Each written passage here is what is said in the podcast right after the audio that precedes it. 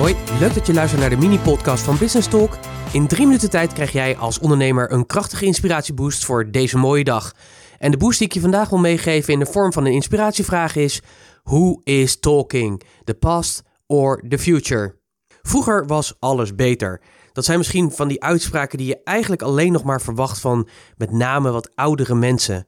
Maar wat mij opvalt is dat niets minder waar is. Ik hoor ze ook nog heel vaak ook onder ondernemers. Want vroeger was het namelijk makkelijker. Toen had je nog allemaal geen sociale media. Toen had je nog geen internet. Waardoor ik gewoon heel goed wist wat mijn klant wilde. En daar heel goed op kon inspelen. Maar vandaag van de dag merk ik gewoon dat ik dat gewoon niet meer kan bijhouden. Dat die sociale media me alle kanten opgaan, zeg maar. En daardoor ja, ik niet meer mee kan met vandaag de dag. Toen was het puntje, puntje, puntje, puntje. Kortom, slachtoffer all over the place. Maar daar kom je natuurlijk niet verder mee. Neemt natuurlijk niet weg dat er natuurlijk heel veel is gebeurd en dat we natuurlijk in een andere fase zitten en een andere wereld en een andere realiteit. Maar het is aan jou natuurlijk om te zorgen dat je meekomt en dat je daar dingen in doet, zodat je ondernemerschap weer naar het volgende niveau kan. Dus de vraag is ook een beetje, waar komt dat bijvoorbeeld vandaan?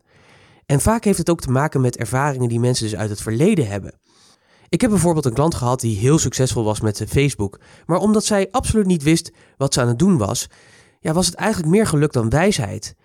En op een gegeven moment gebeurde voor haar echt een drama, want Facebook veranderde zijn algoritmes. En daardoor haalde zij absoluut niet meer de omzetten die ze daarvoor haalde. Ze had echt een goede omzetten en die daalden drastisch.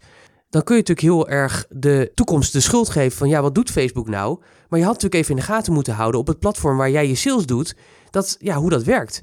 Dus wie praat er? Is dat nou het verleden of is dat de toekomst? Want dat wat er in het verleden natuurlijk goed of slecht ging, is absoluut geen garantie voor die toekomst. Ging het verleden heel slecht? Heb je daar bijvoorbeeld een knauw van gehad? Weet dan dan absoluut dat het verleden natuurlijk niet hetzelfde hoeft te zijn als je toekomst. Maar je moet natuurlijk wel aan de bak. Je moet natuurlijk wel uit die vorm van een toch een soort slachtofferrol.